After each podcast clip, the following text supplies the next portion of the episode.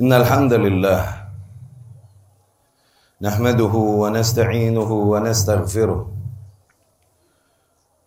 ونعوذ بالله تعالى من شرور أنفسنا ومن سيئات أعمالنا. من يهده الله فلا مضل له ومن يضلله فلا هادي له. وأشهد أن لا إله إلا الله واشهد أن محمدا عبده ورسوله. يا أيها الناس اتقوا ربكم الذي خلقكم من نفس واحدة وخلق منها زوجها وبث منهما رجالا كثيرا ونساء. واتقوا الله الذي تساءلون به والأرحام. إن الله كان عليكم رقيبا. يا أيها الذين آمنوا اتقوا الله حق تقاته ولا تموتن إلا وأنتم مسلمون. يا أيها الذين آمنوا اتقوا الله وقولوا قولا سديدا. يصلح لكم أعمالكم ويغفر لكم ذنوبكم ومن يطع الله ورسوله فقد فاز فوزا عظيما. فإن أصدق الكلام كتاب الله. وخير الهدى هدى محمد صلى الله عليه وسلم. وشر الأمور محدثاتها وكل محدثة في دين الله بدعة وكل بدعة ضلالة وكل ضلالة في النار. أما بعد. إخواتي رحمكم الله Islam adalah agama yang merupakan bentuk rahmat Allah atas semesta alam. Islam adalah agama yang datang dari sang Rabb yang bergelar Rahman dan Rahim dibawakan oleh seorang nabi yang juga bersifat penyayang, penyantun kepada para manusia. Ajaran agama yang memang pada ajarannya sendiri, pada zatnya sendiri bersifat rahmat membawakan rahmat bagi para manusia. Kemudian terjadilah yang terjadi di era ini. Bukanlah hal yang baru terjadi. Tuduhan-tuduhan yang ditujukan pada Islam dari keburukan-keburukan, tindakan-tindakan kerusakan, terorisme, kegiatan-kegiatan atau aktivitas-aktivitas yang sifatnya barbar dituduhkan kepada ajaran Islam. Ini semua terjadi berangkat dari dua hal. Yang pertama memang entah berangkat dari kejahilan manusia akan agama Islam yang sesungguhnya.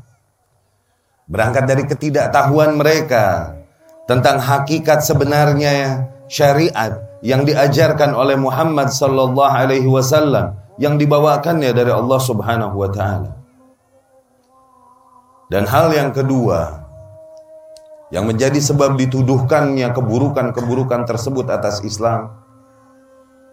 Hal tersebut juga memang terjadi. Berangkat dari adanya kedengkian dan kebencian kepada agama Allah. Ketidakridhoan akan hak yang dibawakan dan dipeluk oleh para kaum muslimin.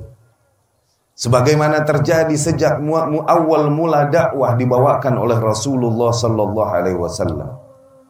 Dituduhkan atas Rasulullah sallallahu alaihi wasallam dan para pengikutnya semua tuduhan.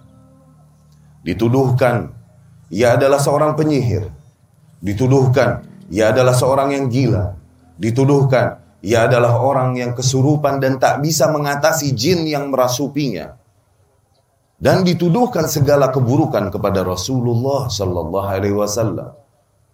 Namun hal ini juga hakikatnya apabila kita fahami adalah ujian yang sama pada setiap syariat, pada setiap rasul dan nabi yang Allah Subhanahu wa taala utus. Datang melawan arus yang umum berjalan pada kaumnya menjadi anti mainstream yang ada pada kaumnya Sehingga dituduhlah dengan dan dicap dengan semua tuduhan-tuduhan buruk. Fitnah-fitnah keji yang tak layak bagi seseorang. Yang Allah subhanahu wa ta'ala memilihnya untuk menyampaikan risalahnya. Ikhwatu rahimakumullah. Apabila seseorang mencoba untuk membaca dan membuka mata hatinya. Melihat dengan jujur dan objektif ajaran Islam yang sebenarnya, maka sungguh ia akan menemukan bahwa tak ada ajaran lain di muka bumi, bahkan di alam semesta seluruhnya, yang mengandung, mengajarkan nilai rahmat yang lebih besar daripada agama Islam. Daripada syariat Islam yang dibawakan oleh Muhammad sallallahu alaihi wasallam. Datang dari Rabb yang begitu kental padanya sifat rahmat. Sehingga tidaklah satu surat pun dari surat-surat yang ada di dalam Al-Quran kecuali dibuka dengan Bismillahirrahmanirrahim kecuali surat Taubah Al-Bara'ah yang tidak dimulai dengan Bismillahirrahmanirrahim. Dibuka setiap Quran, setiap surat dengan Bismillahirrahmanirrahim menyebutkan sifat Allah Subhanahu wa taala, menegaskan betapa kental sifat Allah Subhanahu wa taala sehingga ia berkelar Rahman dan Rahim. Ini menegaskan betapa kentalnya sifat rahmat pada Allah Subhanahu wa taala. Dan setelah Allah Subhanahu wa taala tegaskan rububiyahnya, kepengurusannya dan keberkuasaannya atas alam semesta, Betapa manunggalnya ia dalam menjalankan alam semesta. Betapa ia adalah satu-satunya kuasa yang dapat menjalankan dan menjadikan apa pun yang terjadi di alam semesta. Alhamdulillahi Rabbil Alamin. Segala puji bagi Allah, Rabb semesta alam. Setelah ayat tersebut ditegaskan, kembali sifat Allah subhanahu wa ta'ala yang di mana kental pada zatnya sifat rahmat. Datang ayat selanjutnya menegaskan hal tersebut. Ar-Rahman, Ar-Rahim. Allah yang maha rahman, maha penyayang, maha pengasih. Allah yang maha rahim, maha penyayang. Ini menunjukkan bahwasanya Allah subhanahu wa ta'ala menjalankan alam semestanya dengan rahmatnya. Dengan cinta dan kasih sayangnya kepada makhluk-makhluknya. Dan Ar-Rahman pada Allah Subhanahu wa taala bermakna dzu ar-rahmah al-wasi'ah, zat yang memiliki rahmat yang sangat luas. Begitu luas rahmatnya sehingga meliputi seluruh makhluknya, mukminuhum wa kafiruhum, baik mukminnya ataupun kafirnya. Tidakkah kita lihat mereka kalaupun kafir kepada Allah Subhanahu wa taala masih dapat mendapatkan rizki, masih bisa menikmati nikmat-nikmat yang Allah jadikan di alam semesta Demikian ratanya rahmat Allah subhanahu wa ta'ala kepada seluruh makhluknya. Ar-Rahman, Dhu Ar-Rahmah Al-Wasi'ah. Zat yang memiliki sifat rahmat yang luas. Sementara Ar-Rahim, yang maha penyayang, adalah Dhu Ar-Rahmah Al-Khasa. Zat yang memiliki rahmat yang spesial. Yaitu rahmat bagi hamba-hambanya yang beriman kepadanya. Demikianlah perbedaan antara makna Rahman dan Rahim. Kalaupun keduanya menegaskan adanya dan kentalnya sifat rahmat pada Allah Subhanahu wa taala, namun memiliki tujuan yang berbeda. Dan para salaf berkata, Ar-Rahman alladhi iza su'ila a'ta. Ar-Rahman adalah zat yang apabila ia diminta pasti ia beri. Warrahim adapun Ar-Rahim adalah alladzi idza lam yus'al yaghdab. Adalah zat yang apabila ia tak diminta, hambanya meminta kepada hal lain selainnya, yaghdab, maka ia cemburu, marah. Demikian betapa kental sifat rahmat pada Allah Subhanahu wa taala. Bahkan Rasulullah sallallahu alaihi wasallam sendiri di dalam hadis yang diriwayatkan oleh Imam Bukhari dan Muslim rahimahumullah dengan sanadnya dari Abu Hurairah radhiyallahu anhu, Rasul bersabda sallallahu alaihi wasallam bahwasanya Allah taala lamma khalaqallahu al-khalq ketika Allah Subhanahu wa taala menciptakan alam semesta kataba fi kitabin indahu wa huwa al-arsh Allah menuliskan di dalam kitabnya yang ada di sisinya di atas arsh. Yani lauhul mahfuz. Allah menuliskan inna rahmati taghlibu ghadabi. Allah takdirkan bahwasanya rahmatku akan mendominasi murkaku. Di sanad lain rahmati sabaqat ghadabi. Sesungguhnya rahmatku akan jauh melampaui murkaku. Di sanad lain Rasulullah sallallahu alaihi wasallam bersabda bahwa Allah Subhanahu wa taala kataba biyadihi ala nafsihi rahmah. Allah Subhanahu wa taala bahkan mewajibkan atas dirinya sendiri sifat rahmat. Betapa kental sifat rahmat pada Allah Subhanahu wa taala. Kemudian diriwayatkan oleh Imam Muslim rahimahullah dengan sanadnya dari Salman al-Farisi radhiyallahu anhu bahwasanya Nabi sallallahu alaihi wasallam bersabda ja'alallahu rahmata mi'ata juz. Allah Subhanahu wa taala menjadikan rahmat menjadi seratus bagian. Thumma anzala 'alal ardi juz'an wahida. Kemudian Allah Subhanahu wa taala turunkan dari seratus bagian tersebut Allah turunkan satu bagian ke muka bumi. Yataraham bainahal khalaiq yang di mana para makhluk berbagi dari satu bagian tersebut yang Allah Subhanahu wa taala turunkan ke atas muka bumi. Semua makhluk mendapatkan jatah rahmat dari satu bagian yang Allah turunkan di muka bumi. Amsaka indahu tis'ah wa tis'in. Kemudian Allah tahan pada dirinya 99 bagian lagi. Dengan itu Allah akan merahmati para hambanya di hari kebangkitan kelak. Allahumma ja'alna minhum. Semoga Allah jadikan kita termasuk yang dirahmatinya di hari kelak. Hatta dabah, sehingga dabah, sehingga seekor hewan mendapatkan jatah rahmat dari yang satu bagian itu. Begitu waspada ia menjaga cakarnya agar tidak mengenai anaknya. Makhafata antusibah. Begitu ia jaga kakinya dan cakarnya supaya tak mengenai anaknya. Demikian bahkan hewan terbagi dari jatah satu bagian rahmat yang Allah Subhanahu wa taala turunkan ke muka bumi.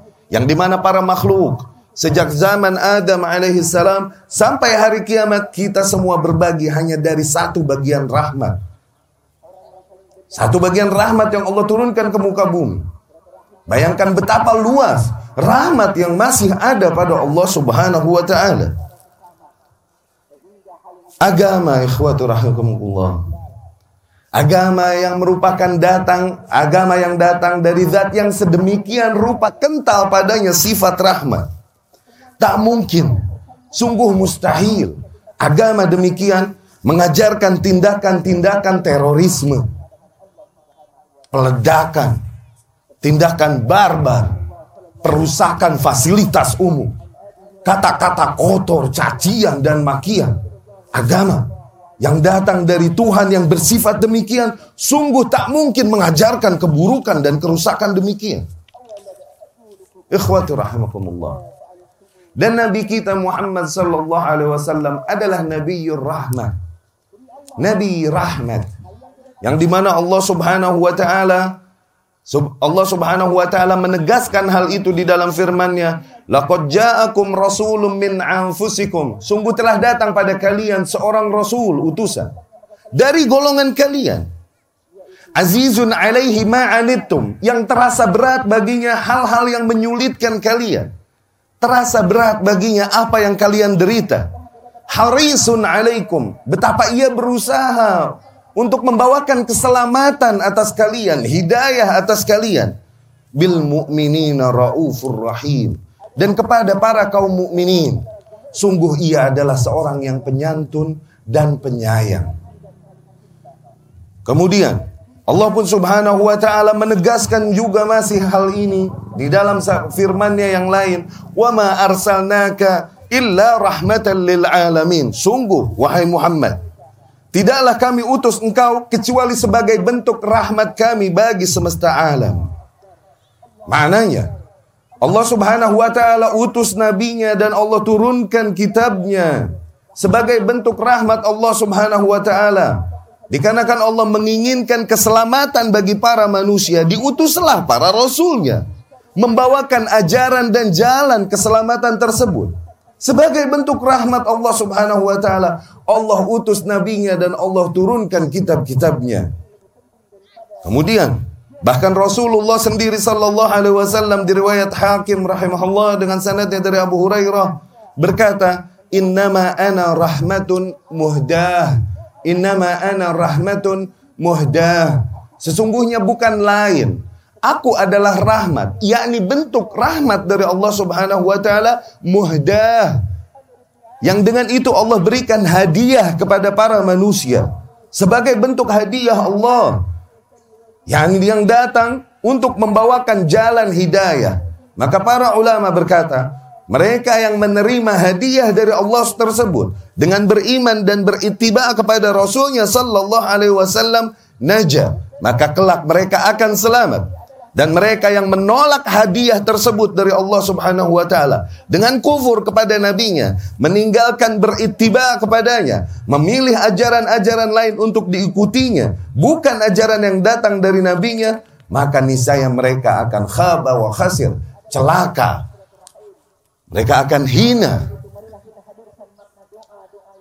Nabi Shallallahu Alaihi Wasallam yang datang dengan semua sifat rahmat ini yang Allah jadikan pada dirinya. Mungkinkah Nabi demikian? Mengajarkan keburukan. Tindakan-tindakan yang merupakan sifatnya kerusakan di muka bumi. Mengajarkan tindakan-tindakan kerusakan di muka bumi. Terorisme, kehancuran, tindakan-tindakan barbar sebagaimana yang dituduhkan kepada Islam dan kepada Rasulullah sallallahu alaihi wasallam mustahil. Seorang yang berakal sehat Apabila memang mereka membaca ajaran Islam, tak mungkin akan sampai kepada kesimpulan demikian. Ikhwati rahimakumullah. Apabila kita tahu betapa ajaran agama ini yang dibawakan oleh Rasulullah sallallahu alaihi wasallam adalah ajaran yang juga begitu kental padanya sifat rahmat, maka mungkin seseorang yang memang lurus hatinya dan membuka hatinya menyadari bahwa sungguh Tak ada pilihan lain baginya kecuali harus memilih agama ini sebagai jalan hidupnya. Diriwayatkan oleh Imam Abu Dawud rahimahullah dengan sanadnya dari bin Mas'ud radhiyallahu anhu bahwasanya para sahabat bercerita ketika kita sedang bersama Rasulullah sallallahu alaihi wasallam di dalam sebuah perjalanan kemudian Rasul pun sedang pergi sejenak untuk keperluannya kemudian para sahabat melihat seekor hamurra yakni seekor burung dan burung tersebut ada dua anak padanya. Fa'akhazna, maka kami pun mengambil kedua anaknya tersebut. Tidak lama kemudian, burung tersebut menghampiri Rasulullah sallallahu alaihi wasallam ta'rish. Dia terbang di sekitar Rasul sallallahu alaihi wasallam dan terus bersuara. Akhirnya Rasul pun sallallahu alaihi wasallam langsung berkata, "Man fajja hadhihi biwaladiha?" Siapa yang membuatnya resah dengan anaknya? Siapa yang membuat burung ini resah dengan mengambil anaknya? Rudduha ilai. Kembalikan anaknya kepadanya. Lihat, bahkan kepada hewan, betapa Rasul sallallahu alaihi wasallam berbagi juga kasih dan sayangnya. Kemudian ikhwati rahimakumullah di dalam hadis yang diriwayatkan Abu Dawud dan Imam Ahmad rahimahullah bahwasanya suatu hari Rasulullah sallallahu alaihi wasallam dakhala ha'itan li rajulin minal ansar. Dia mendatangi sebuah kebun milik seseorang dari kaum Ansar. Falamma dakhala fa idza bil jamal. Ketika ia datang, ternyata ia melihat seekor unta. Falamma ra'ah, ketika unta tersebut melihat Rasulullah sallallahu alaihi wasallam han wa dharifat ainah meraung unta tersebut. Kemudian mengalirlah air mata onta tersebut. Rasul pun sallallahu alaihi wasallam menghampirinya. Wa masaha zafirah. Kemudian Rasul sallallahu alaihi wasallam mengusap pundaknya, fasakat. Maka kemudian tenanglah onta tersebut. Tidak lama Rasulullah sallallahu alaihi wasallam bertanya, "Man Rabbul Jamal?" Siapa yang memiliki onta ini? Liman hadzal jamal? Milik siapa onta ini? Fa'ata bifatan minal ansar. Kemudian datanglah seorang pemuda dari golongan ansar. Dan ia berkata, Huwali ya Rasulullah. Onta itu milikku ya Rasulullah. Kemudian Rasul pun berkata kepadanya, Afala tattakillaha fi hadhil bahima. Kenapa? Mengapa kau tak bertakwa kepada Allah pada hewan ini? Alladzi mallaka mallakah Allahu iyad. Yang Allah milikkan hal ini padamu. Sesungguhnya onta ini mengeluh pada padaku annaka tuji'uh wa tud'ibuh. Bahwasanya kau membiarkannya kelaparan namun kau terus membawakan hal-hal berat di punggungnya. Lihat, demikian rahmat Nabi bahkan sallallahu alaihi wasallam kepada hewan, apalah lagi kepada manusia. Demikian juga yang disampaikan ajarannya kepada para manusia. Diperintahkan kita untuk menyayangi dan merahmati sesama. Rasulullah sallallahu alaihi wasallam bersabda, "Ar-rahimun yarhamuhumur rahman." Para orang-orang yang pengasih, para orang-orang yang penyayang, niscaya zat yang maha pengasih akan menyayangi mereka. Para orang-orang yang penyayang, niscaya zat yang maha pengasih akan menyayangi mereka. Irhamu man fil ard, yarhamukum man fis sama. Rahmatilah mereka yang ada di muka bumi. Niscaya zat yang ada di langit akan merahmatimu. Yani Allah subhanahu wa ta'ala. Maka rahmat kepada makhluk yang ada di muka bumi. Baik kepada manusia ataupun hewan. Rahmat kita kepada mereka adalah sebab datang rahmat besar dari Allah subhanahu wa ta'ala. Tidakkah kita lihat ikhwati rahimakumullah di dalam kisah yang dibawakan oleh Imam Bukhari dan Muslim, kisah yang kita semua tahu. Bahwasanya Baghiyah min Baghaya Bani Israel, seorang pelacur di antara pelacur-pelacur Bani Israel. Tersentuh hatinya ketika melihat seekor kalban min kilabil ard, anjing di antara anjing-anjing liar talhathu turaba min al-atash yang mengulurkan lidahnya karena kehausan tersentuh hati pelacur tersebut kemudian dia mengambilnya air dan memberi anjing tersebut minum. Dari kejadian ini Rasul berkata sallallahu alaihi wasallam, syakarallahu laha. Allah berterima kasih kepada pelacur itu. Allah berterima kasih. Wa ghafaralaha. Kemudian Allah ampuni semua dosa-dosa pelacur itu. Wa adkhalahal jannah. Dan Allah masukkan ia ke dalam surga. Kepada anjing. Rahmat kita kepada anjing menjadi sebab diampuninya dosa kita oleh Allah Subhanahu wa taala. Sekarang bagaimana apabila rahmat kita tunjukkan masih kepada manusia? Apalah lagi manusia yang masih mentauhidkan Allah Subhanahu wa taala. Maka sebesar apa rahmat yang akan kita dapatkan? Walillahi darul qail dari situlah syair berkata, Idza kanatir rahmatu bil kilab, taghfirul khataya bil baghaya. Apabila rahmat yang ditunjukkan kepada seekor anjing saja, hewan yang najis. Rahmat yang ditunjukkan kepada seekor anjing dapat mengampuni dosa sebesar dosa seorang pelacur. Famadza tasna'ur rahmah liman wahada rabbal baraya. Maka apa yang dapat dilakukan rahmat apabila kita tunjukkan kepada manusia yang masih mengesahkan Allah Subhanahu wa taala, maka sebesar apa rahmat yang kita akan dapatkan dari Allah Subhanahu wa taala yang merupakan pengampunannya, keridhaannya, hidayahnya, rizkinya. Ikhwati rahimakumullah, agama yang sedemikian rupa. Begitu kental padanya sifat rahmat. Mungkinkah agama ini mengajarkan tindakan-tindakan terorisme, tindakan-tindakan barbar, kerusakan fasilitas umum, sebagaimana yang dituduhkan kepada kaum muslimin? Apakah itu dapat diterima oleh akal seseorang yang sehat? Sungguh tidak. Agama ini adalah agama rahmat.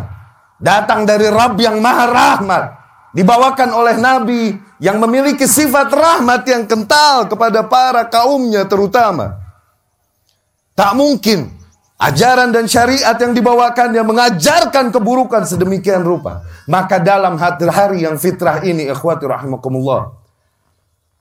Layaknya kami sampaikan apa yang menjadi kewajiban kita semua agar kita mempelajari Islam yang hak sebagaimana datang dari Allah dan Rasulnya sallallahu alaihi wasallam dan sampaikan kepada para manusia, sampaikan kepada dunia bahwa apabila mereka melihat sebuah tindakan-tindakan kerusakan dilakukan oleh kelompok atau individu yang mengatasnamakan Islam, katakan pada mereka, mereka sama sekali tidak mewakili ajaran Islam.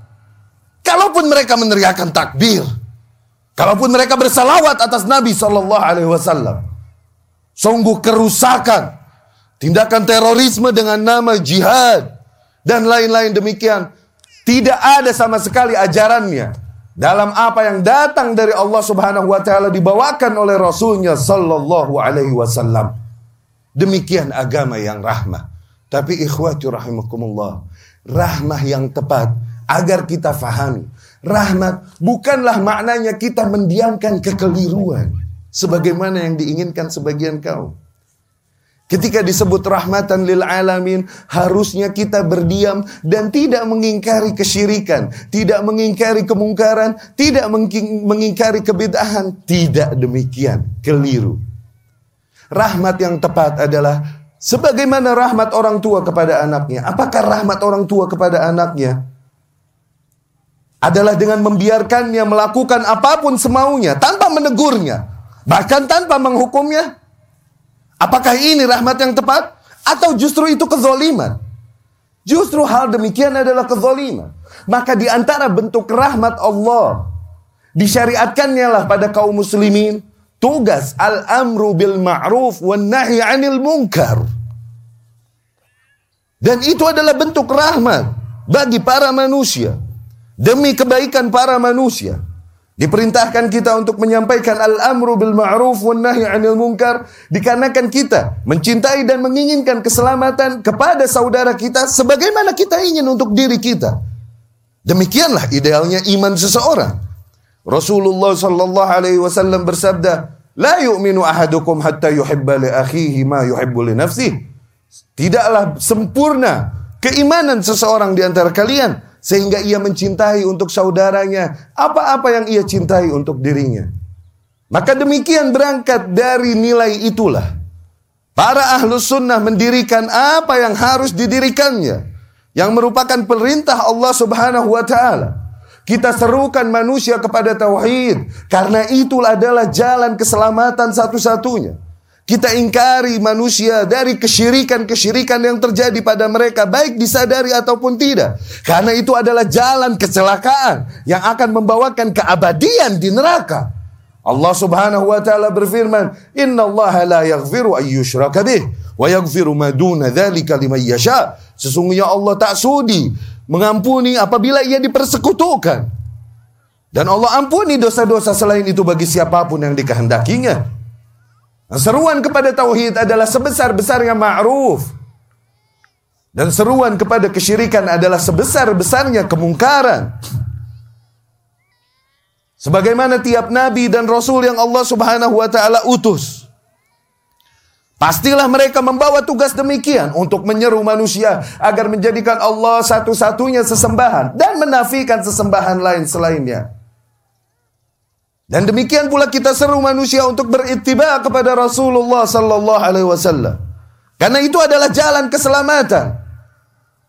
Kita peringatkan manusia dari bid'ah-bid'ah yang tidak ada ajarannya dari Rasulullah sallallahu alaihi wasallam yang merupakan bentuk beragama yang dikira manusia itu mendekatkan diri kepada Allah. Namun tak ada ajarannya dari Rasulullah sallallahu alaihi wasallam. Karena itu adalah sebesar-besarnya kemungkaran setelah kesyirikan. Kita peringatkan mereka dari hal ini sebagai bentuk cinta kita pada mereka. Kita menginginkan keselamatan untuk mereka sebagaimana kita inginkan untuk kita. Demikian rahmat yang tepat kita fahami. Rahmat yang tepat bukanlah kita berdiam diri dari kesyirikan. Bukanlah kita berdiam diri dari penyimpangan dan kesesatan. Tidak. Justru sebagai bentuk rahmat, kita peringatkan hal tersebut atas manusia. Dikarenakan kita menginginkan keselamatan bagi mereka. Sebagaimana kita inginkan bagi kita. اللهم أعز الإسلام والمسلمين وأهلك الكفرة والمبتدئة أعداءك أعداء الدين. اللهم مزق جمعهم وشتت شملهم وزلزل أقدامهم وألق في قلوبهم الرعبة. إنك على كل شيء قدير. اللهم اغفر للمسلمين والمسلمات والمؤمنين والمؤمنات الأحياء منهم والأموات. إنك سميع قريب مجيب الدعوات. ويا قاضي الحاجات. ربنا لا تزغ قلوبنا بعد إذ هديتنا وهب لنا من لدنك رحمة إنك أنت الوهاب. ربنا أفرغ علينا صبرا وثبت أقدامنا وانصرنا على القوم الكافرين. اللهم إنا نسألك من كل خير سألك به نبيك محمد صلى الله عليه وسلم. ونستعيذ بك من كل شر استعاذ بك منه نبيك محمد صلى الله عليه وسلم. وصلى الله وسلم وبارك على محمد وعلى وأصحابه أجمعين. خير الكلام. السلام عليكم ورحمة الله وبركاته.